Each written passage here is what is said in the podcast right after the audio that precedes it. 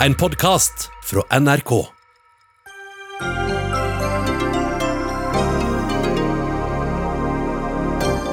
Korona er mer smittsomt enn vi har trodd, ifølge forskere som tror smitten kan skje gjennom luft, ikke bare via dråper. Må vi holde større avstand enn vi har gjort så langt? Også i år møter norske kvinner stengte dører ved flere fødeavdelinger i Norge. Dette er for ille, mener Arbeiderpartiet. Unødige skremsler, svarer Høyre.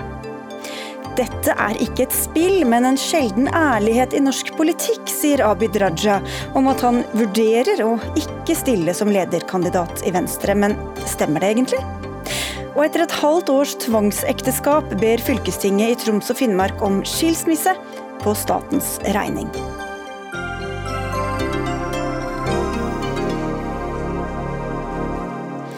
Vel møtt til Dagsnytt 18. I studio i dag, Sigrid Solund.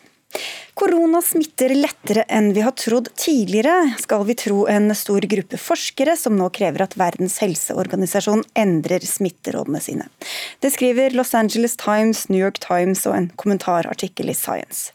Forskerne sier de er 100% sikre på at smitten skjer gjennom aerosoler, bitte små partikler som blir værende i lufta og kan smitte mennesker som også befinner seg flere meter unna.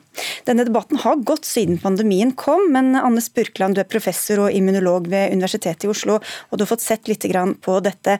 Hvorfor er disse forskerne så sikre på at korona også kan smitte på denne måten?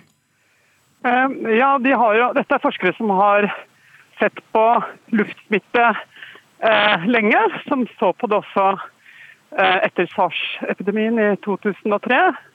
Så dette har de tenkt på.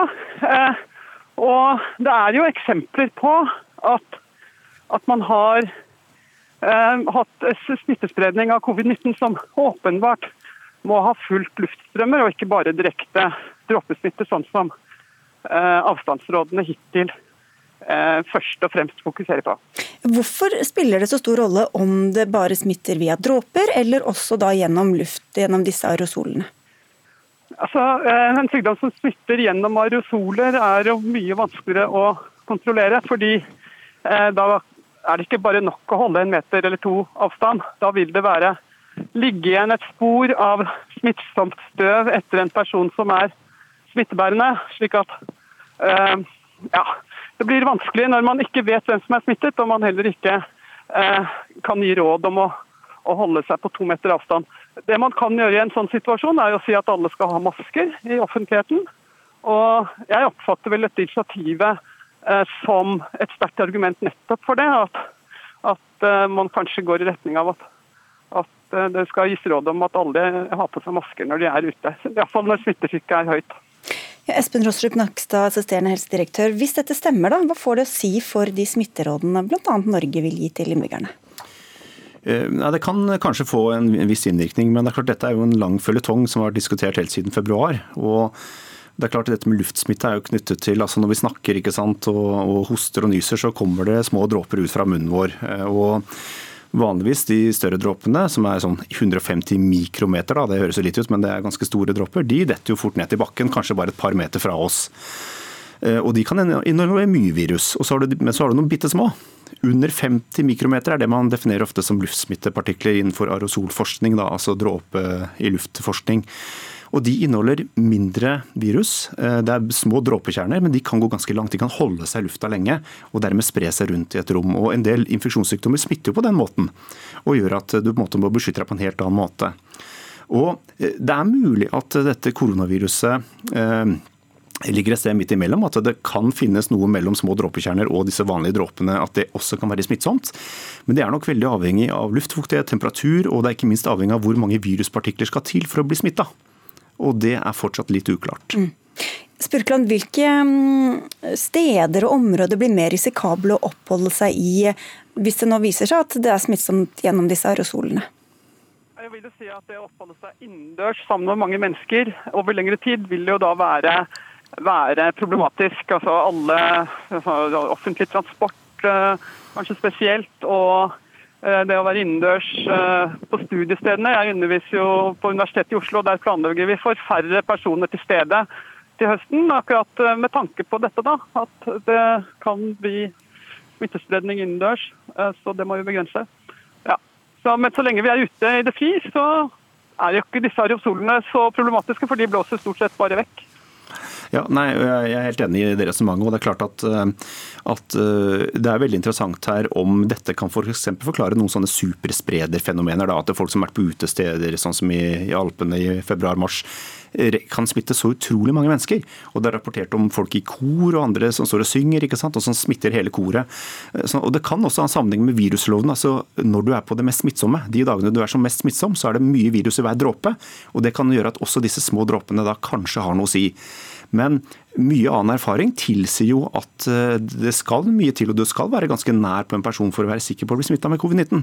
Sånn at eh, vi må nok ha enda mer forskning på dette hvis vi skal være helt sikre, tror jeg. Men denne maskebruken som har kommet opp, og som vi har diskutert eh, et par ganger gjennom de siste månedene, det, det øker aktualiteten for å anbefale maskebruk, da, eller? Nei, Vi vet jo at masker eller munnbind altså det beskytter jo når du er nær på en syk pasient på sykehus f.eks. Det er derfor det man bruker beskyttelsesutstyr. Og så er det jo en kontinuerlig kontinuerlig debatt hvor langt fra en syk person skal du være for å være sikker, før du eventuelt kan ta av deg da den eh, beskyttelsen av åndedrettet ditt. Så dette er på en måte veldig situasjonsavhengig, det, og, og, det er ikke noe enkel fasit på dette her, men problemstillingene er kjent, men nå aktualisert gjennom da de eksemplene som, som har kommet fram med den rapporten. Og Spurkland, Hvor lenge overlever viruset i lufta i så fall? Ja, ja, det, det, vet vi egentlig ikke nok om. Eh, det er eh, for lite kjent eh, om hvor lenge viruset er smittsomt i en sånn støvpartikkel.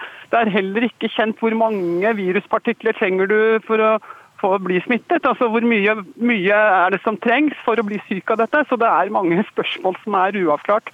Når det gjelder maskebruk, så er det vel også sånn at, at uh, produksjonen av aerosoler blir dempet ved å ha en maske foran ansiktet. Så det er jo ikke bare snakk om å bli beskyttet for å bli smittet selv, men kanskje like mye å ikke smitte andre i offentligheten. At det er begrunnelsen for eh, masker, iallfall der hvor det er utstrakt bruk av det. Det er uhøflig å gå ut uten maske på, rett og slett. Ja. ja. Jeg er helt enig, og Det er dette som er så vanskelig. fordi at Det at du kan påvise et virus i en sånn eh, liten støvpartikkel eller en bitte liten dråpekjerne på litt avstand, det er ikke nødvendigvis det samme som at det er smittsomt å være der. Så Dette er sånne ting må man se grundig inn på før man eventuelt endrer på råd eh, internasjonalt også. Og Apropos råd, så skal det komme nye reiseråd for Europa denne uka fra norske mm, myndigheter. og Selv om reisingen fortsatt er mye lavere enn vanlig, så melder f.eks. Norwegian om 40% økning i juli og august i solgte billetter. Spania er et av landene det mest interesse for. SAS gjenåpner sju utenlandsruter fra Norge til storbyer i Europa. Hva skal norske turister tenke på hvis de velger å reise til et av disse landene som det åpnes for? Nei, jeg tror i hvert fall man først og fremst skal sette seg inn i de reiserådene som gjelder, tross alt. Selv om det da etter hvert kanskje blir flere land som man ikke fraråder å reise til. Det får vi jo se den 10. juli, på fredag, når regjeringen annonserer det. Men det er nok sånn hvis vi ser i Europa nå at det er en del sånne lokale utbrudd og til og med sånn lockdown-situasjoner. Altså man stenger hele regioner, faktisk. Og det tror jeg man som turist må følge litt med på i framtiden. At man, eh, selv om man skulle reise til et land hvor det er eh, grønn farge holdt jeg på å si, og trygt å reise, så kan man da komme opp i regioner hvor det er mye smitte. Så, så det er nok lurt å tenke på det når man reiser. Kristian Hansen, du er utenriksreporter for tiden stasjonert i Berlin, hvor du følger med på hele Europa. Det er mange som vil til Spania også. Hvordan er smittesituasjonen der nå? Ja, I dag så skulle jo egentlig den eh, kjente San Fermin-festivalen startet med okseløpet i Pamplona. Det ble jo selvfølgelig avlyst.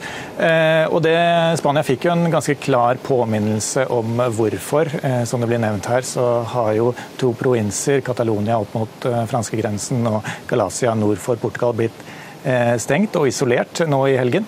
Dvs. Si at 270 000 mennesker eh, får ikke reise inn og ut av de områdene.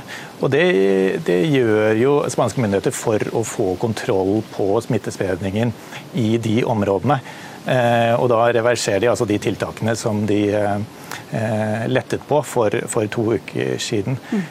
Så kan det jo også være greit å nevne at eh, Andalusia, som er et område som kanskje flere nordmenn reiser til, sør i Spania med Malaga og Gibraltar bl.a., har også eh, sett nå en økning av eh, smitte de siste dagene.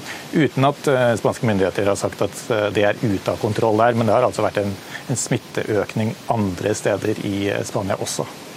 Og så ruster helsevesenet seg også opp for en mulig smitterunde nummer to, ettersom jeg har forstått? Ja, jo, de innfører jo disse eh, reglene her med, med bl.a. Å, å, å, isolere byer. Men, eh, og så er det jo dette, dette, kravet om ansiktsmasker eller munnbind, men, men, i Catalonia så har de nå gått ut at de ønsker en økning av antall helsearbeidere med 20 frem til eh, september. Eh, for rett og slett å kunne ta unna hvis det kommer en, en, en smittetopp nummer to. Eh, Spania har jo som kjent ferie i, august, og det kan jo være at det kommer en smittetopp da. Og Hvor strenge reiserestriksjonene og rådene mellom andre land i Europa? Vi ser jo nå at flere og flere EU-land åpner opp med, mellom reise mellom andre EU-land og, og, Schengen, altså Norge. Eh, så er det nesten alltid et lite unntak med, med Sverige. Eh, og i, i, Frankrike har de f.eks. også laget en, en, en, regel der det er frivillig karantene for folk som kommer fra Spania eller Storbritannia. Hva nå det betyr. Men det de alle nesten sier, er dette her eh, unngå store folkemøter, bruk ansiktsmaske når du er ute og reiser. Du sitter og nikker, Nakstad. Vi får nye råd på fredag, men hvis det var du som fikk bestemme, så skulle alle holdt seg hjemme? Nei, det vil jeg ikke si, men eh, det er interessant fordi eh, det ser ut som man i Europa nå begynner å legge seg på det samme regimet i flere og flere land. Både med tanke på risikobetraktninger og tiltak. Eh, og så er det fortsatt litt eh, forskjell på dette med munnbind. Eh, og det har litt med om du bor i en by med millioner av mennesker som er tett på hverandre, eller om du har god plass, sånn som i Norge. Så, men, men, i Europa og Vesten så ser det ut som man nå begynner å kjøre likere og likere strategier på smittebegrensning. Mm. Og de som vil ut og reise, da, eller bør, må ut, føler de må ut og reise, hva skal de tenke på både før og etter? I hvert fall viktig å sette seg inn i den reelle risikoen før man reiser. Passe på at man er frisk når man reiser, det er jo en forutsetning. Og så er det jo det å gå i karantene hvis man har vært i steder med mye smitte, da, som fortsatt gjelder. Eh, og ikke minst selv om man har vært i et eh, såkalt trygt land, da. f.eks. nå i Danmark. Så det er klart man kan bli mye syk etter man kommer hjem derfra også. Og da er vi veldig interessert i at eh, får man luftveissymptomer når man kommer hjem, så test deg for covid-19. Og Fredag kommer altså nye reiseråd, og så får vi se om WHO lytter til disse forskerne og endrer på sine smittevernråd. Takk skal dere ha alle sammen. Espen Rostrup Nakstad fra Helsedirektoratet, Anne Spurkland som også er professor og immunolog ved Universitetet i Oslo, og til vår egen reporter Christian Aanensen.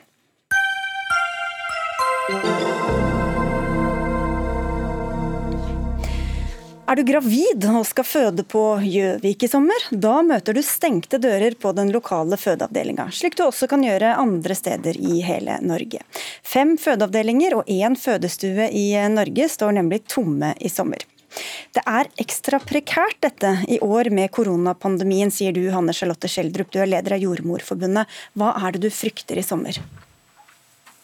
Jordmorforbundet har vært tydelig på at vi mener at alle landets fødeavdelinger må holdes åpne under pandemien. og Det er for å sikre et tilgjengelig fødetilbud nærmest mulig der fødende bor.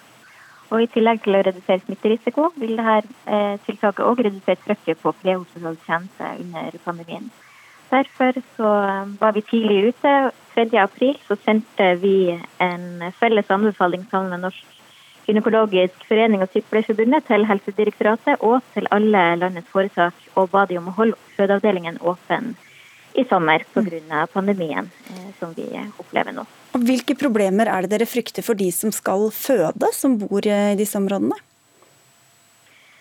Vi er ikke fornøyd med at flere av fødeavdelingene nå stenger. og Grunnen til det er jo både risiko i forbindelse med fødsler under transport, og ikke minst at eh, kvinner eh, trenger fødetilbud nærmest mulig der de bor. Eh, og En annen ting er da at uavhengig av om vi er rammet av en pandemi, så er tilgangen på jordmødre i Norge veldig begrensa. Og en normal ferieavvikling om sommeren forsterker jordmormangelen. Og vi vet at mange jordmødre nå har fått varsel om at de må ta ut deler av sin ferie denne sommeren. Og det er for å øke kapasiteten under pandemien. Eh, og Jordmødre kan ikke erstattes av tilfeldige sykepleiere fra andre avdelinger, så fødetilbudet er ekstra sårbart, og spesielt under en pandemi der vi allerede har fått nedstengte fødeavdelinger, bl.a. i Stavanger, som er en relativt stor fødeavdeling som måtte stenge en hel måned. Mm. Og Stenger du en fødeavdeling, så drar eh, alle på ferie, og da er det veldig risikabelt hvis vi plutselig må stenge den andre fødeavdelinga som er åpent i regionen. Da blir det en veldig lang reisevei og, og lite fødetilbud for de fødende. Mari Holm Lønseth, stortingspolitiker fra Høyre, du sitter i helse- og omsorgskomiteen. Disse kvinnene er jo allerede i en ganske sårbar situasjon, og så midt oppi en pandemi i tillegg. Hvor, hvordan tror du det føles for dem som, som havner i denne situasjonen? Det er viktig å huske på at Norge er, og skal også være, et av de tryggeste landene i hele verden å føde i. Det skal det være uavhengig av når på året du føder, og det skal det være uavhengig også av hvor i landet du bor eh, når du også skal, skal føde. Men det som er viktig å huske på, er jo at det gjelder jo noen kvalitetsmål som også helseforetakene må forholde seg til, som handler om at det skal være trygt for både mor og barn å føde. Og Når jordmødre da også skal ha ferie, sånn som de eh, må ha, som alle også andre arbeidstakere skal ha, så for å opprettholde et trygt fødetilbud for alle, så er også konsekvensen av det at noen få fødeavdelinger stenger noen uker på sommeren. Dette er det jo helse, eh, helseforetakene som har ansvaret for å følge opp nøye, og de har jo vurdert situasjonen tett og systematisk. og Jeg har tillit til at de har vurdert dette på en god måte. Og i år har vi også klart å stenge færre fødestuer enn hva man f.eks. gjorde i fjor. Tuva Moflag, også fra helse- og omsorgskomiteen, du representerer Arbeiderpartiet, og dere har bedt om at fødetilbudet opprettholdes. Men hva med disse jordmødrene, skal ikke de få ferie i sommer?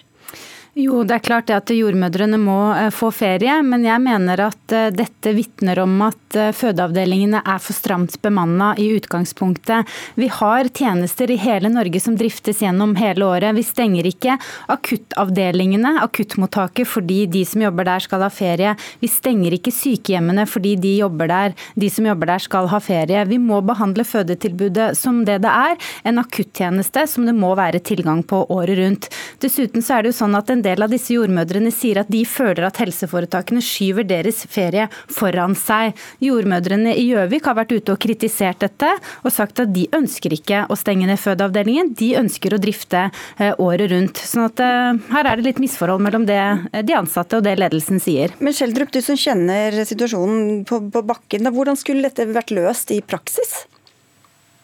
Riksrevisjonen kom med en alvorlig rapport rett før jul som viste store utfordringer i jordmortjenesten. Eh, og eh, Den viser rett og slett at vi har alvorlige bemanningsutfordringer. Eh, helseforetakene må skape en heltidskultur og beholde jordmødrene med å skape gode fagmiljøer og ikke minst tilby hele stillinger. To av tre jordmødre jobber deltid.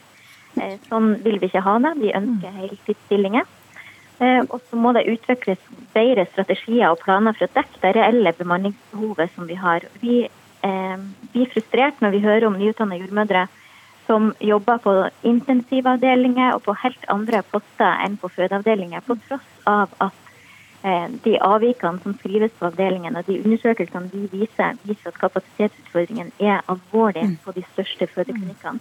Sånn at Her er det et misforhold i forhold til det reelle behovet for jordmødre på avdeling og ansettelse av jordmødre. Og mellom 50 og 60% av norske jordmødre vurderer å slutte pga. presset på jobblønnsett. Å stenge noen i ferien, noen avdelinger i ferien løser jo problemet på kort sikt, men hva løser det på lang sikt med den situasjonsbeskrivelsen som vi hører her? Nei, Jeg er jo helt enig i at vi må ta tak i og helt klart også gjøre mer for å sørge for at man klarer å både rekruttere og beholde de jordmødrene som man allerede har. hva, eksempel, gjør dere for at det skal skje? da? For eksempel, så denne Riksrevisjonens rapport som også ble nevnt her, tar man jo også opp at man ikke har mange nok som jobber, del, jobber heltid. Det er for mange som har ufrivillig deltid. Det har helseminister Bent Høie tatt tak i. Det andre er jo at regjeringa Han har tatt opp med helseforetakene, og de skal også følge opp i det videre arbeidet og legge det til grunn. Det handler om at man også må ta det i den eierdialogen. Det andre handler om at man har jo også satt ned et arbeid, et hurtigarbeidende utvalg, som også skulle se på arbeidssituasjonen for jordmødrene, hvor også Jordmorforbundet har vært med på. Den rapporten munna ut i mange ulike tiltak, som også handla om bemanning. Også ta vare på kompetansen, og at jordmødrene skulle få bruke tida si på å være jordmødre og få avlastning fra andre oppgaver. Det er noen av de tingene som man gjør også for å ta tak i og beholde flere. For det er også en viktig sak for regjeringa å følge opp. Ja, Det som er problemet med, med, Høies oppfølging av den saken, er at han peker på helseforetakene, sier dette må dere prioritere, men Høie er ikke villig til å bruke mer penger på det sjøl. Vi har jo sagt at eh, sykehussektoren er underfinansiert. Vi har lagt på ca. 1,5 milliarder mer enn regjeringa hvert år denne perioden, og vi vil styrke fødetilbudet med 250 millioner kroner. Det handler også om mm. penger. Du kan ikke bare peke på helseforetakene og si at de skal prioritere, du må også gi dem rammene de trenger. Men, men det er helseforetakene som velger å stenge disse avdelingene og ikke stenge andre avdelinger?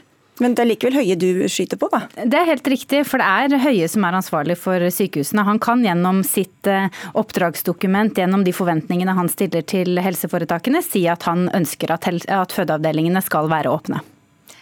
I sin oppfølging på helseforetakene så sier jo også Bent Høie at han ber om at denne rapporten som han har utarbeida, i samarbeid også med Jordmorforbundet, skal følges opp. Det er en klar og tydelig beskjed, men det må også selvfølgelig gjøres mange andre ting for at vi klarer å beholde og rekruttere nye inn i jordmoryrket. Og Det handler jo bl.a. om at man må få lov til å bruke tida si på man, altså den kompetansen man har, riktig kompetanse, til rett tid. Så der er dere enige, men Schjelderup, du sier at det kan skape frykt f.eks. hos de fødende. Men hva med de faktiske konsekvensene? Har man sett flere fødselsskader, flere transportfødsler ut fra de tidligere somrene hvor også de samme avdelingene har vært stengt? Eh, det er sånn at I Norge så har vi sånn, eh, mellom 300 og 400 transportfødsler årlig. Det er relativt høye tall, og vi vet at det er dobbelt risiko for eh, komplikasjoner hos mor og det økte komplikasjonsfare for òg barn. Men, men, skjer de da om sommeren? Er det, er det, er det, en, reell, altså er det en, faktisk sammenheng mellom sommerstengte avdelinger og uh, transportfødsler? Da må vi gå inn i medisinsk fødselsregister og se nøyaktig når tid de her um, transportfødslene er i løpet av året. og Det, det er det faktisk ikke tall på uh, per i dag. Vi har en stor utfordring i forhold til at vi òg mangler følgetjeneste. 77 av landets kommuner mangler følgetjeneste på tross av at det er ti år siden vi skulle ha på plass en ordning. Og Det er urovekkende når vi vet at det er en livsviktig tjeneste for kvinner ute i distriktene som har fått økt reisevei inn til fødeinstitusjonen.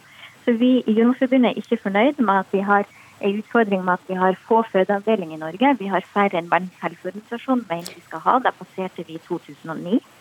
Eh, og I tillegg så har vi en følgetjeneste som nærmest er eh, ja, hva skal jeg si, i kaos etter en omlegging av finansieringa i 2018. Og det står mange jordmødre nå uten reell betaling for følgetjenesten som de utfører, og skriver logg fordi at de står i en skvis om at foretakene får ikke pengene som de skal ha for eh, arbeidet som de utfører. Ok, Da skal vi få kort kommentar fra hver av de andre her i studio. Ja, nei, Vi ønsker da å styrke finansieringa av fødeavdelingene, sørge for hele stillinger og ikke minst sørge for at de jordmødrene som er ute i kommunene og jobber med følgetjeneste, at de ikke må jobbe på dugnad. For det må de faktisk gjøre nå.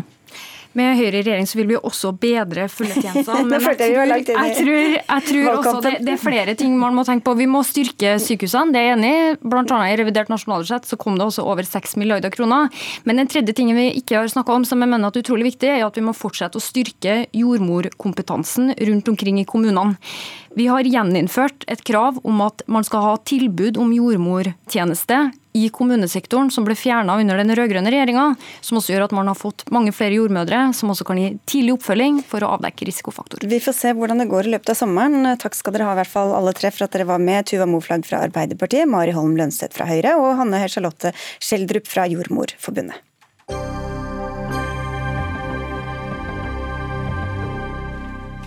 Det må brukes mer tre i offentlige bygg, mener to gjester som kommer til Dagsnytt 18 om en halvtime. Men hvordan de skal få det til, er de ikke enige om.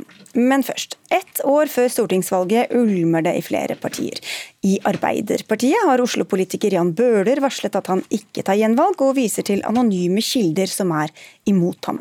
I Venstre har lederstriden fått en ny vending. Sveinung Rotevatn har fra før annonsert at han er kandidat til ledervervet, men i helga sa Abid Raja til VG at han vurderer å ikke stille som ny leder av partiet. Og han gjentok budskapet overfor NRK i dag, skal vi høre. Det jeg har sagt er at jeg vurderer å ikke stille som lederkandidat for Venstre dersom det skal til for å bygge et sterkest mulig lag, et sterkest mulig team.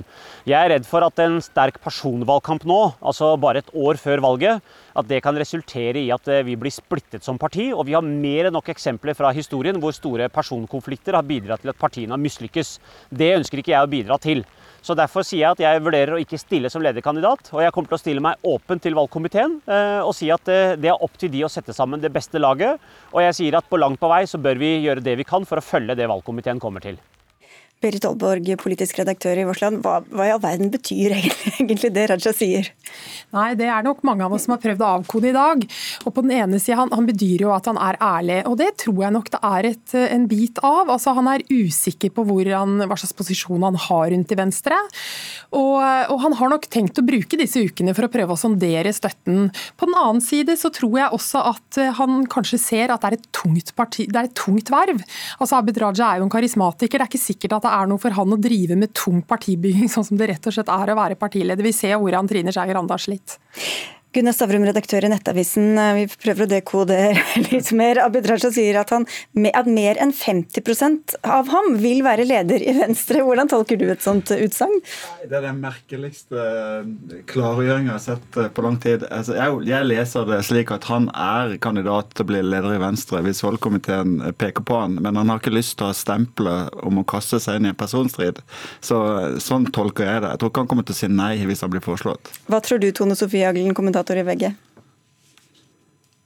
Eh, Gunnar Stavrum har eh, rett til det. Jeg tror Sveinung Rotevatn fikk et betydelig forsprang når han lanserte seg sjøl. Jeg tror nok også at han er den som eh, i utgangspunktet i hvert fall hadde mest støtte i Venstre. Men nå opplever jeg at ballen ligger veldig hos valgkomiteen og, peker på den kandidaten som de mener er samlende nok, og som de tror har det som skal til for å også få Venstre opp på sperregrensen. og Det er litt sånn spørsmålet om det er en annen person enn Sveinung Rotevatn. Kanskje er det ikke Abid Raja, men det er nok litt fisketur. For vi vet at alltid når han har vært rundt i landet, så har det kommet mange som peker på han og mener at Venstre trenger han. Og nå skal han tilfeldigvis ut og reise? Ja, han skal ut og reise. Og jeg tror nok at en sånn tur som han skal ut på, når han først har sagt dette at jeg er ikke sikker, så kan nok det, hvis det er noen der ute som ønsker å mobilisere for han, så kan det nok også ha en sånn effekt. Og det tror jeg nok han er veldig klar over når han går ut med dette utspillet nå. Han sier jo også da at eh, lederkampen som vi hørte må handle om politikk, ikke personfokus, eh, Stavrum. Og at han sier han ønsker seg en, en sånn maktkamp som, som, SV fikk til i sin tid, da Lysbakken og Heikki Holmås og Bård Vegar Solhjell kjempet om å bli eh, ny leder. Men og, hvis det ikke går, så ofrer han seg da underliggende. Så hvilket bilde er det han da skaper av seg selv med dette budskapet?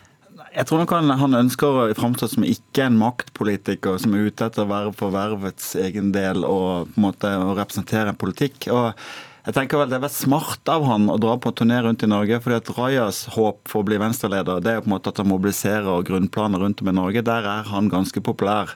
Han er ikke veldig populær i partiapparatet og, og blant sentrale tillitsvalgte i partiet. sånn at Der tror han Rotevatn står sterkere. så det er ikke et dumt trekk det Raja gjør, men jeg tror ikke vi skal avskrive han i den maktkampen om å bli leder i Venstre. Men jeg tror også heller ikke at vi skal av, eh, avskjære eller si at ikke disse damene som har vært aktuelle også kan, kan, bli ledere. fordi at det er en del som faktisk er veldig opptatt av at Guri Melby har gjort en kjempegod jobb. Sånn at begge disse to mennene eh, Og Iselin Nybø. Iselin Nybø også. Mm. Eh, men begge disse to mennene er nok mye mer polariserende i partiet enn begge disse kvinnene er. Og begge de damene har utrolig mye partierfaring. Så eh, valgkomiteen får, som Aglen var inne på, en veldig viktig jobb, og veldig mye ligger hos dem rett og slett. De har ganske stor reell påvirkning for hvem de vil spørre om å bli partileder. Og Apropos polarisering, så sier du da Aglen også at det kan eh, påvirke lederkampen at Unge Venstre har vært så tydelig ute med støtte til Sveinung Rotevatn. Hvordan kan det slå ut, tror du? Nei, Jeg tror det er en opplevelse i Venstre at uh, Sveinung Rotevatn sine støttespillere har vært de som har uh, jobbet mest og, og mest iherdig. Og Der har jo Unge Venstre peka seg veldig ut, samtidig som de har hatt en del uh, utspill som jeg tror er ganske upopulære i Venstre, og særlig det distriktsvenstre, hvor eh, Sveinung Rotevatn eh, står svakest. Eh, det er ikke noe tvil om det. Og, og Sist så var jo valgkomiteen i Venstre veldig splitta. og det mellom Rotevatn og Raja. Og så kom jo det her som gjorde at Trine Skei Grande fortsatte, og de pekte på henne. Men nå er det en helt ny situasjon i partiet, og da tror jeg liksom det vil handle veldig mye om om de anser at Sveinung Rotevatn likevel har det som skal til, eller om det er kanskje særlig Guri Melby det nå blir pekt på som de tror kan være mer samlende. og ikke minst kan være en eh, kandidat som også distriktsvenstre kan eh, samle seg om. Jeg sa at du ulmet i flere partier. Det fikk ganske mye oppmerksomhet eh, da Oslo Arbeiderpartiets Jan Bøhler sa at han ikke vil stille til gjenvalg til Stortinget, og viste til anonyme kilder og en potensiell drittpakke. Jeg husker ikke nøyaktig hvilke ord han brukte, Gunnar Stavrum, men hva, hvordan tolker du alt dette? Nei, Vi er jo som journalister heldige som har fått to rare utspill de siste dagene. Men jeg oppfatter vel at Jan Bøhler eh, føler at han blir motarbeida i nominasjonskampen i Arbeiderpartiet, og at han er redd for at han eh, vil tape den. Eh, og at han da rykker ut. Også både i misnøye med hvordan den prosessen ser ut til å bli, men også i forhold til hvordan politikken i partiet har utvikla seg. Så han, han slamrer litt med dørene. Men heller ikke han har gjort det sånn helt ugjenkallelig. For han kan, hvis Facebook-opprøret blir stort nok, la seg overtale, tror du, til å ta gjenvalg likevel? det er jo morsomt. da. De har 2100 medlemmer av gruppen eh, Vi som vil ha han tilbake på tinget. Eh, og de hadde 73 000 stemmer ved siste valg i Oslo, så det er 2000 som produserer ganske mye. Men Berit Oldborg, han har fått mange støtteerklæringer, og så er det andre som, eh, som sier at, de, at, det kanskje er på tide å bytte han ut også. Hva, er det forskjellige fløyer her, eller hva er det som ligger bak? Ja, så tror jeg Hvis vi ser på det tillitsmanns lederapparatet i Oslo Arbeiderparti, så tror jeg nok at der er det nok mange som tenker at det er behov for en utskiftning. Eh, uten at, eh, uten at jeg, jeg har ikke registrert eller hørt noe om denne skittvaskinga eller denne det som Jan Bøhler snakker om. Men, men, det er klart at det blir veldig trangt på den lista til Arbeiderpartiet til høsten. For de skal ha en kvinne mellom de to mennene som allerede sitter der, altså Støre og Espen Barth Eide. Og så har du Frode Jacobsen som er leder i Oslo Ap. Det var også Jan Bøhler når han kom inn.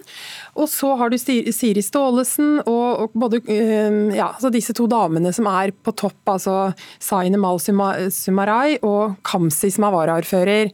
Så, så det, er, det kommer til å bli en reell kamp. og Han har jo sittet i 16 år, så det er, det er, kanskje ikke unaturlig at man på en måte ser om det er noen nye krefter som, som kan, eh, kan, trekkes inn. Og han har jo jobba i partiet jeg vet ikke, 30 år.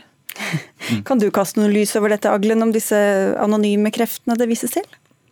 Nei, Jeg tror nok at det er eh, rett og slett eh, klassisk nominasjonskamp. Og jeg tror nok at Jan Bøhler kjenner lusa litt på gangen her. som det heter, og, og vet at han høyst sannsynlig vil bli utfordra. Han er en, eh, en, eh, en, litt spesiell politikertype, en solospiller på godt og vondt. Jeg har for så vidt likheten med han og Abid Raja, som gjør at han er populær også ganske utafor partiet, men kanskje ikke like flink til å forankre. og Det er nok blitt mye Jan Bøhler og litt lite Arbeiderpartiet, er nok en opplevelse. Så tror jeg nok også at mange peker på at uh, det er viktig at lederen i Oslo Arbeiderparti sitter på Stortinget, og da blir det ikke plass til Jan Bøhler, som har hatt eh, den plassen i veldig mange år. Men så gjør han jo litt av det klassisk menneskelige med at han drar liksom litt sånn partiet med seg ned da, når han uh, sier at han velger å gå, og det er ikke spesielt strategisk hvis han ønsker å bli gjenvalgt. Jeg synes det er interessant å se, trekke litt linjer til britisk politikk og nominasjonen av Jeremy Corbyn i Labour. For han hadde jo både partiapparatet og alle ekspertene mot seg. Men der er det innført en ny regel hvor det var ikke, ikke medlemmene, men registrerte sympatisører som fikk stemme. Og der hadde han 80% oppslutning. Så jeg tror egentlig både Raja og, og Bøhler ville stilt sterkere i en nominasjonsprosess som ikke var så intern, eh, og, og hvor tillitsvalgte nominerte, men, eh, men hvor velgerne kom mer til orde. Og særlig i Groruddalen, for der er jo Jan Bøhler på en måte Arbeiderpartiets eh, viktigste person. Og det er jo en bastion for partiet. Men så, ja, så, er det jo litt sånn at jo, Han er jo kjent, Jan Bøhler, i Groruddalen og i Oslo-politikken. Og så er det jo litt sånn at på et eller annet tidspunkt må man bytte ut folk. Og de, veldig mange av de andre Det har vært på en måte brukt et argument om at han er liksom Han er fra Groruddalen, han er ekte østkant. Men ser du på de andre, så er det jo Frode Jacobsen er fra Bøhler, Kamzy er fra Groruddalen, eh, Zainab bær fra Søndre Nordstrand. Altså, det er veldig mange fra Oslo øst, men de er kanskje ikke fullt så kjente som Bøhler har vært. Sånn at eh, der, akkurat det argumentet der blir liksom brukt litt for det det har vært akkurat her og nå. Så må man jo være med i politikken for å bli kjent også, da. Det blir nok å følge med på det neste året. Takk skal dere ha for denne skal vi kalle det innledende runden. Berit Aalborg fra Vårt Land, Gunnar Stavrum fra Nettavisen og Tone Sofie Aglen fra VG.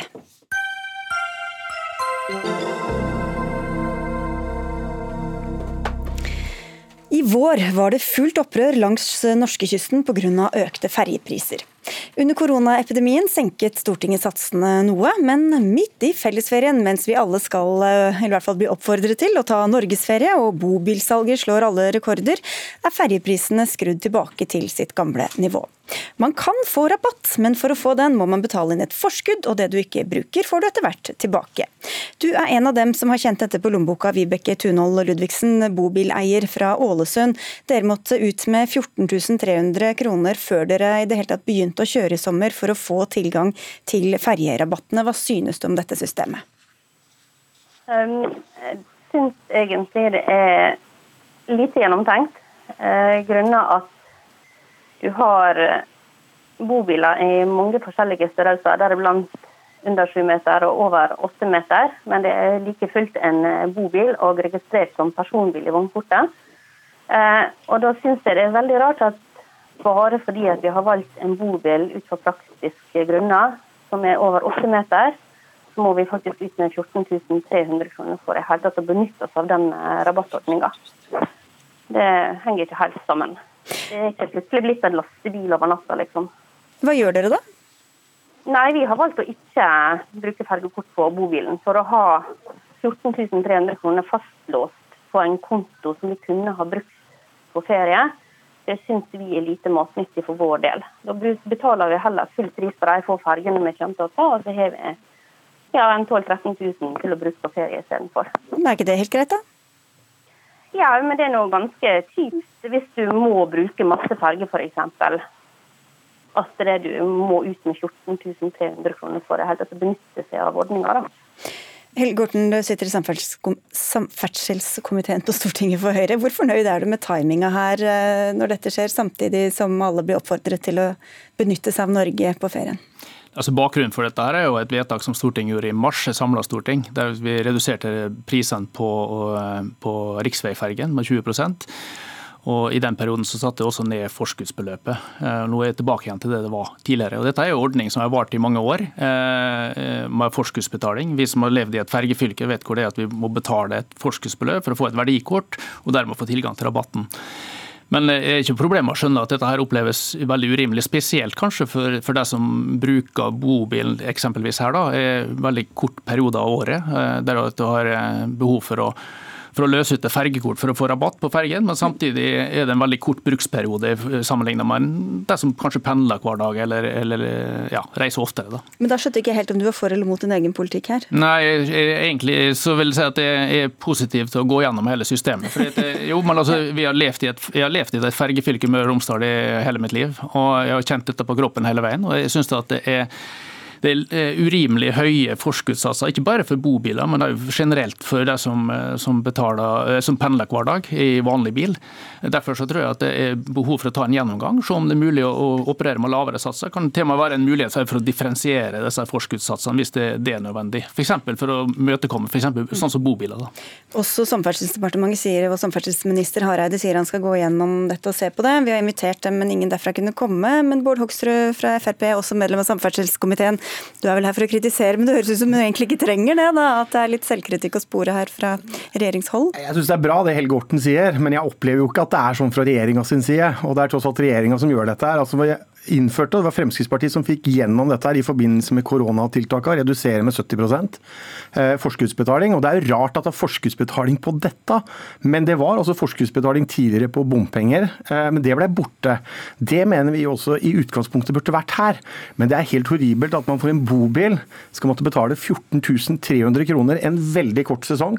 Det betyr altså at mye av de pengene du egentlig skal bruke på ferien din, må du altså bruke til å betale som et forskudd. ja, for du får jo pengene tilbake hvis hvis man ikke tar de ferjeturene? Ja, du får de tilbake, men det, det, det, tar jo tid før du får de pengene tilbake. Og så er Det jo sånn at det er dette som er litt av utfordringen her. Det er jo ikke sånn at uh, ikke de pengene blir betalt inn, det blir, men det handler om skal du betale dem på forskudd, eller skal man betale dem etter hvert som man faktisk bruker det, sånn som man gjør med bompenger. For Fremskrittspartiet ville jo gjerne ikke hatt dette her i det hele tatt. Men når det først er der, så bør man i hvert fall ikke betale på forskudd, man bør betale etter at man ja, har brukt det. Hvor er logikken her, Orten? Nei, Jeg synes jeg er mye enig med det Bård Hoksrud beskrev. Altså, må jeg si at han, Når han da skyter på regjeringa, så må jeg få lov å skyte litt tilbake. For han har vært en del av den regjeringa i seks og et halvt år og hatt samferdselsministeren. Så hatt mange muligheter til å løse dette problemet hvis han hadde ønska det. For ikke å snakke om at dere også var med i revidert nasjonalbudsjett og, ble enige jo, jo, men, men, det, men, det, er jo interessant det Orten sier nå. Det er, klart, det er ikke tvil om at dette har vært diskusjoner som har vært beintøffe, hvor mm. Fremskrittspartiet har vært tydelig på dette. Derfor, men dere har ikke prioritert det, da? Jo, jo, men, jo, men det er derfor, når vi innførte Autopass, så sørger vi faktisk for at campingvogner og tilhengere slapp eh, denne uh, høye utgiften som man har med bobil. Dessverre så skjedde det et eller annet som ikke var godt nok der. skjedde også, det et eller annet som ikke nei, altså, var godt ja, man, man, så jo ikke det den gangen at det også var en utfordring. altså, dere fremmet, så ikke det, da? Nei, ikke man, men dere. Nei, ikke sant? og så tar man det inn over seg det. og så har Vi, hatt, vi har fremma forslag, vi har tatt det opp, men det har altså ikke vært vilje i regjering til å gjøre noe med det. Nå har vi lagt fram et forslag i Stortinget igjen, hvor dette er ett av forslagene der, eh, i forhold til det med bobiler. fordi det er jo der man nå ser denne debatten. og Spesielt når vi sier at folk skal reise rundt i landet bruke pengene sine, hjelpe reiselivet som sliter. Og så skal man også måtte betale inn forskudd på 14, over 14 000 kroner. Alle skjønner at det er en stor del av det man faktisk får i feriepenger, og det er en håpløs ordning. Ja, men Vi er ikke uenige i det. Det, som, det, ja, men det er, det er dere som fører denne politikken, da. Det var ja, nettopp det som var litt av poenget mitt òg. At eh, Bård Hoksrud og, og, og, Fremskrittspartiet har også hatt en mulighet til å gjøre noe med dette i de seks og et halvt årene de satt og styrte det departementet. Så begge er mot det, men ingen har gjort noe med det? Poenget er at jeg ønsker faktisk å gjøre noe med det. Fordi, og Derfor har vi tatt opp dette her med, med departementet. fordi jeg ønsker at samferdselsministeren tar en skikkelig gjennomgang av det. Eh, når det, gjelder, bo, når det gjelder bobiler, så kan du løse det med å sette beløpet vesentlig lavere. fordi det er en så begrensa bruk av, den, av bobil kontra en som pendler, f.eks.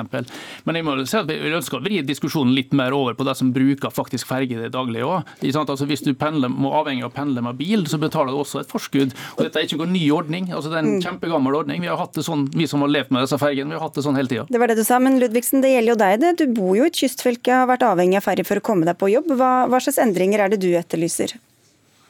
Eh, hvis jeg skulle ha fått det slik som jeg og mange med meg hadde hatt behov for, både som privatpersoner boende i et fylke der du kommer til ferge omtrent uansett hva vei du vender nesa, eh, og også som fritidsperson som nå har investert i en bobil som jeg tenkte vi skulle bruke i Norge som det flotte landet det er, så hadde jeg skulle virkelig ønske å satt pris på om ordninga, hvis den må være sånn at vi må forhåndsbetale, at vi får sette inn den summen som vi har til rådighet ut ifra egen økonomi ut ifra egne valg for hvor vi vil reise hen, og hva behov vi har i hverdagen, f.eks. Mm. til jobb. Nå nikkes det i studio her, så det høres ut som du får med deg eh, de to eh, ferjekameratene i studio. Ja. Jo, men, men, men jeg, jeg syns jo når, når, Helge Orten sier at dette er sånn og dette skal vi se på, dette er vi positive til. Ja, men vi har også hatt en ordning som opphørte nå 1.7. Det betyr at regjeringa har fullt mulig, hvis man vil, sørge for at den får fortsette. Det kan samferdselsministeren og statsministeren gjøre. Så jeg vil utfordre Helge Orten til å gå tilbake til samferdselsministeren og statsministeren. Sørge for at de nå sørger for at den får fortsette, sånn at man får ned, for det var mye, mye lavere takst. Og det ville vært veldig bra når vi skal ta i bruk hele landet og bruke det nå i ferien. Det, det var jo en midlertidig ordning som hele Stortinget var enig i, og som satte en tidsbegrensning på fram til 30.6. Men nå har vi ut, gjort forlenga flere ordninger. Bård Hoksrud, eh, poenget ja, det, og det, ja, det er riktig, men jeg er mer opptatt av at vi faktisk skal finne fram til en permanent løsning. Ja, det er bra. Eh, og, og sørge for at vi får løst dette. Jeg syns det innspillet fra, fra bobileierne her er interessant, fordi det kan godt tenkes at du kan ha differensierte løsninger på hvor mye du betaler inn i forskudd. Det er faktisk en god inngang ut ifra bruksmønster, f.eks. Det er noe som Statens vegvesen ser på. Det er ikke så ofte vi har tre stykker som alle er imot et forslag i den samme debatten, men nå fikk vi det. Så får vi si takk til dere alle sammen. Bård Hoksrud fra Frp, Helge Orten fra Høyre, og til Vibeke Tunhold Ludvigsen ønsker god tur i bobilen. Hør Dagsnytt 18 når du vil. Radio NRK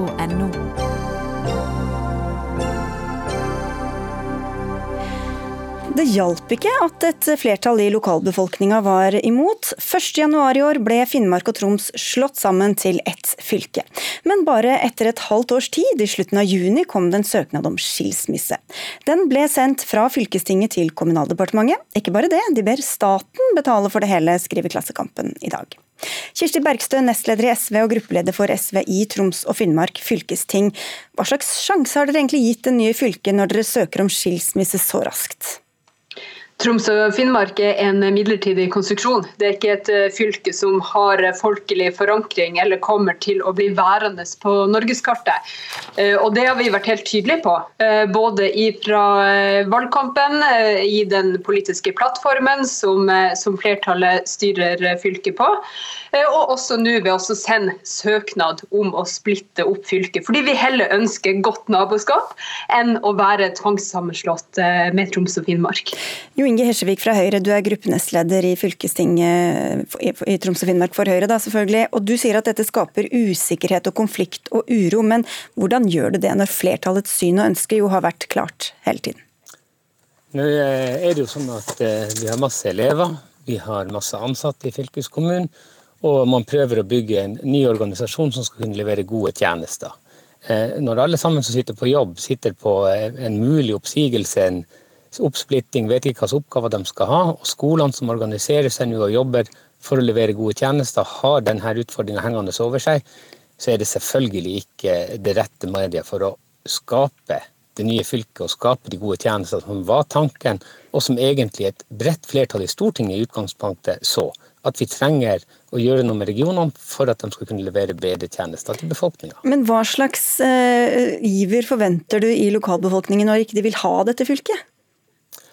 Nei, altså Jeg forventer ikke at folk skal applaudere det nye fylket. Men jeg forventer at de som jobber for å gjøre det godt, skal ha stor iver i å sørge for nettopp det med tjenester. Fordi at det, det, er jo eh, det er en politikers plikt, og det er dem som sitter med posisjon sin plikt, å sørge for at tjenestene og befolkninga eh, sine behov er det som skal dekkes i første omgang.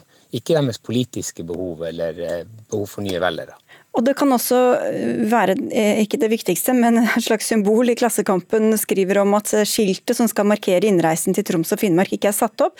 Det står fortsatt bare 'Velkommen til Tromsbergstø'. Later dere som om denne sammenslåingen ikke har funnet sted, eller? Sammenslåinga har funnet sted, og derfor er også kampen for å oppheve tvangssammenslåinga godt i gang. Eh, vi har bestemt oss for ikke å bruke kroner på skilt eh, på et fylke som skal skilles. Det vil være helt feil bruk av eh, offentlige midler.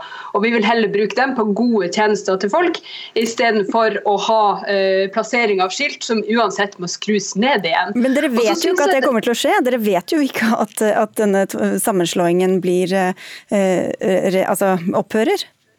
Når et nytt flertall er på plass, eh, når vi har fått et nytt flertall på Stortinget Som man ikke vet om vil skje. Eh, som vi er nødt til å sikre for å snu sentraliseringa og snu den økende forskjellsveksten og for å ta folk på alvor. Fordi Det som har skjedd både i Troms og Finnmark og i Viken, det er jo at folk er eh, plassert til side. Eh, og at man tenker at det er bedre å tegne kartet på, på skrivepultene i regjeringa mm. enn i terrenget der folk bor og lever. Men det, og det er veldig arrogant holdning. Det betyr at dere kan holde på i, i fem år, i ni år, uten å, uten å forholde dere til den nye fylkessammenslåingen? Regjeringen?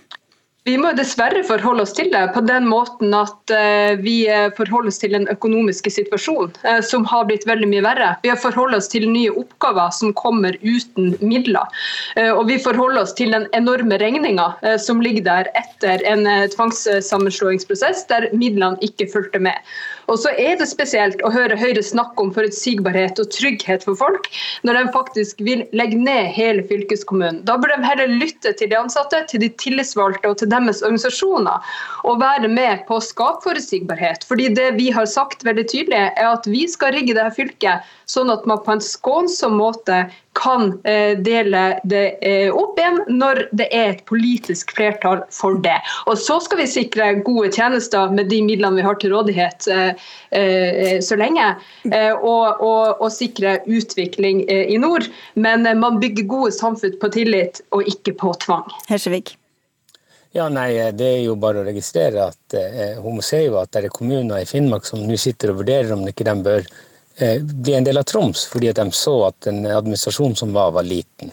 Og så er det jo sånn at eh, Regionreformen var der for å kunne overføre oppgaver fra eh, hovedstaden og ut i distriktet.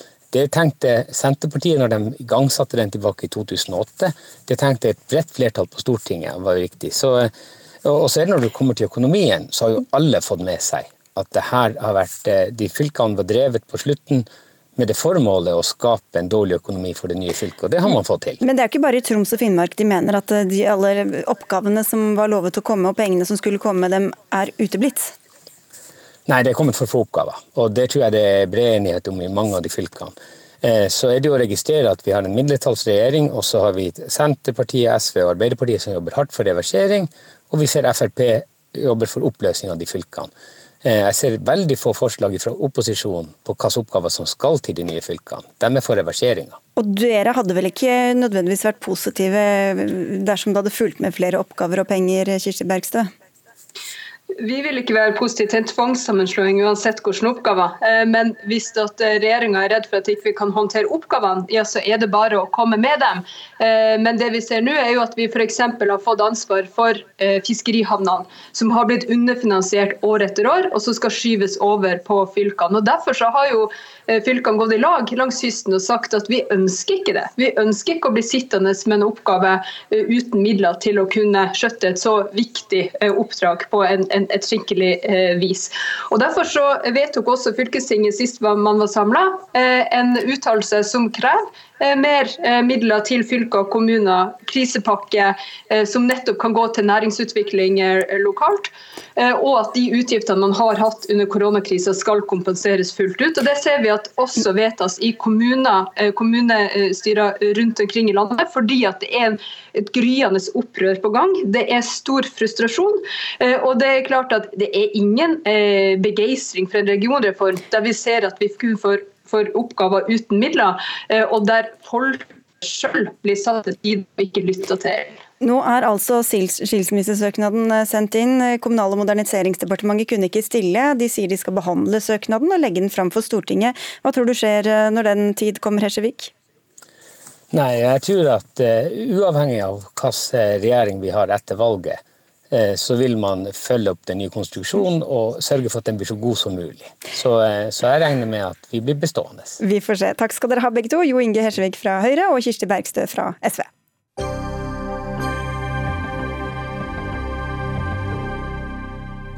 Senterpartiet vil endre anbudsprosessen for å få mer treverk inn i offentlige byggeprosjekter, det skriver Nasjonen. Slik skal det bli mer bruk av klimavennlig tre, som ifølge Senterpartiet ofte blir utkonkurrert på pris. Heidi Finstad, du er administrerende direktør i treindustrien, og jeg regner med at du også vil ha mer bruk av, av tre. Men du tror ikke at det er prisen, altså det Senterpartiet peker på som er problemet. Hva, hvorfor ikke? For det første så ser vi jo at det stadig er økende etterspørsel av tre, også i store og høyere bygg. Eh, og så eh, er det sånn at vi eh, ønsker en konkurransenøytral tilnærming. Vi ønsker en industri som, som konkurrerer på like vilkår, og vi mener at ved kun å bruke anbudsreglene og stille krav til ett materiale, så vil det være en tilnærming som baserer seg på et, et subsidiert syn, om man kan si det på den måten. Den skal kvoteres inn? ja, og det mener vi ikke er er verken muligheter eller ønskelig. Vi ønsker en, en, en trebasert industri og en, en, byggenæring som kan konkurrere på like eh, vilkår. Siv Mossleth, eh, stortingsrepresentant for Senterpartiet. Dere deler det samme målet, men eh, vi hører at dere har feil diagnose og gale virkemidler. Hva sier du til det? Når det offentlige Norge skal investere, så må vi tenke på hvordan vi kan bygge norske arbeidsplasser og norske bedrifter. Eh, Senterpartiet mener at eh, når vi skal bygge store veiprosjekt, så må vi rigge anbudskonkurransene sånn at norske entreprenører har en sjanse til å delta. Når vi skal bygge bygg av tre, eller bygg bygninger, så mener vi at eh, vi må skru anbudene og være veldig tydelige på at vi ønsker økt bruk av tre. Det gagner norske bedrifter, gagner norske arbeidsplasser. Og det er et miljøvennlig valg. Det er klimasmart, og det er CO2-fangst, og det er bra for både arbeidsplasser og miljø. Men hva ligger i det da? Skal man ha tydelige krav til hvor mange prosent av bygget som skal være bygget i tre, eller hva er det dere egentlig ser for dere? Ja, Per i dag så brukes jo ikke tre like mye som betong. Og i bygg som finansieres over statsbudsjettet, så kan det være åpning for å stille spesifikke krav til materialvalg, eh, direkte eller indirekte. Eh, man kan stille krav f.eks. Til, til å ha strenge miljøkrav. Og I Senterpartiet så syns vi at vi skal gi klare bestillinger. Mm. Eh, føringene kan, må stå i oppdrags, oppdragsbrevet. Okay. Men bare for å høre med deg, Finstad, hva er det egentlig som er negativt da, ved å få tydelige krav? Vi er for tydelige krav, men vi mener at eh, man må se på funksjonen til et bygg og det behovet et bygg skal dekke. Eh, og ofte så ser vi at eh, tre i kombinasjon med andre materialer kan gi de beste byggene. Eh, så vi er på linje eh, i forhold til at vi ønsker økt bruk av tre, selvfølgelig. Og vi ønsker eh, strengere krav til klima og miljø. Vi ønsker at norsk byggenæring skal være konkurransedyktig på mer enn pris. Eh, på eh, livsløpet til et bygg og kan levere godt på det, men vi mener at man må ha teknisk dokumenterte løsninger som er faglige og konkurransenøytrale. Ja, for Jeg skjønte fortsatt ikke helt hvordan dette skulle utformes Moslet, for at man skal da vinne, da, hvis man er, eh, bruker mer tre i, som materialbruk. Ja, kan, Vi kan spesifikt forlange bruk av tre. Samtidig, så, og, og, hvis man ikke vil gå så hardt til verk, så kan man i, i eh, oppdragsbrevet eh, sette krav, eh, sånn som Finstad sier, til eh, miljø, til bruk, til Eksempelvis, ja, Tre kan jo gjenbrukes, man kan sette sånne krav. Det finnes en rekke krav som kan settes som gjør at treverk eller tre blir konkurransedyktig. Hvor, hvor, hvor, hensiktsmessig er det å være så spesifikk, hvis det også finnes andre kombinasjoner av materialer som kanskje gir, slår bedre ut på flere av disse parametrene, men som da faller gjennom i en så spesifikk eh, anbudskrav? Ja, Nå er jo ikke problemet her i Norge at vi bruker for mye tre i bygninger. Vi ønsker jo begge mer bruk av tre, og da mener Senterpartiet at vi må tørre å sette tydelige krav. Eh, det betyr jo ikke at tre er det eneste som kan brukes, men hvis vi går tidlig inn og tildelingsbrevene på en måte, oppdragene spesifisere bruk av tre. Man kan jo også faktisk sette eh, krav om at dersom man ikke bruker tre, så må man begrunne hvorfor tre ikke brukes. Så det finnes uh, mellom, mellomløsninger her. Mm, okay. Men det som er det viktigste, det er at når vi har tre gode grunner til å bruke tre, altså miljø, klima, norske ja industriarbeidsplasser og norske bedrifters eh, ja, hva skal jeg si, overlevningsevne, så, så må vi tørre å si at vi vil bruke det. Vi er jo opptatt av kan du si, at, at, man først og fremst utvikler byggeregelverket, sånn at vi kan møte det som ligger foran oss nå av eh, krav for å nå klima- og miljømålene. og da tenker jeg jo at Byggereglene har jo utelukkende vært eh, fokusert på å forenkle, eh, uten at man der har lagt inn f.eks. livsløpsbetraktninger og funksjonskrav knytta til det som går på klimagassutslipp gjennom livsløpet til et bygg. Og Det mener jeg jo er på høy tid. og jeg tenker at skal, man skal nå det målet som Senterpartiet tar til orde for, som egentlig er bra, eh, så må man bruke et bredt spekter av eh, virkemidler. Man må se på hele regelverket, fra byggeregler til anbudsregler, og ikke minst, eh, og det er jo det vi tar opp, at kompetansen i markedet for å bygge i fremtidens for å bygge fremtidens bygg må opp. Altså Vi må få videreutdanning, mm. sånn at vi har ingeniører som kan å, å, bygge gode bygg. Da man kombinerer materialer med de beste egenskapene, sånn at en kan bygge gode bygg. Men, men Kan ikke den kompetansen komme dersom man stiller krav som gjør at det uansett blir flere bygd, eh, mer, mer bygging i tre, da? Jo, det er klart det er med på å stimulere det, men igjen, det blir for snevert å si at man skal stille et eksplisitt krav til ett materiale i en anbudsprosess. Det mener vi er utilstrekkelig og en for eh, unyansert tilnærming.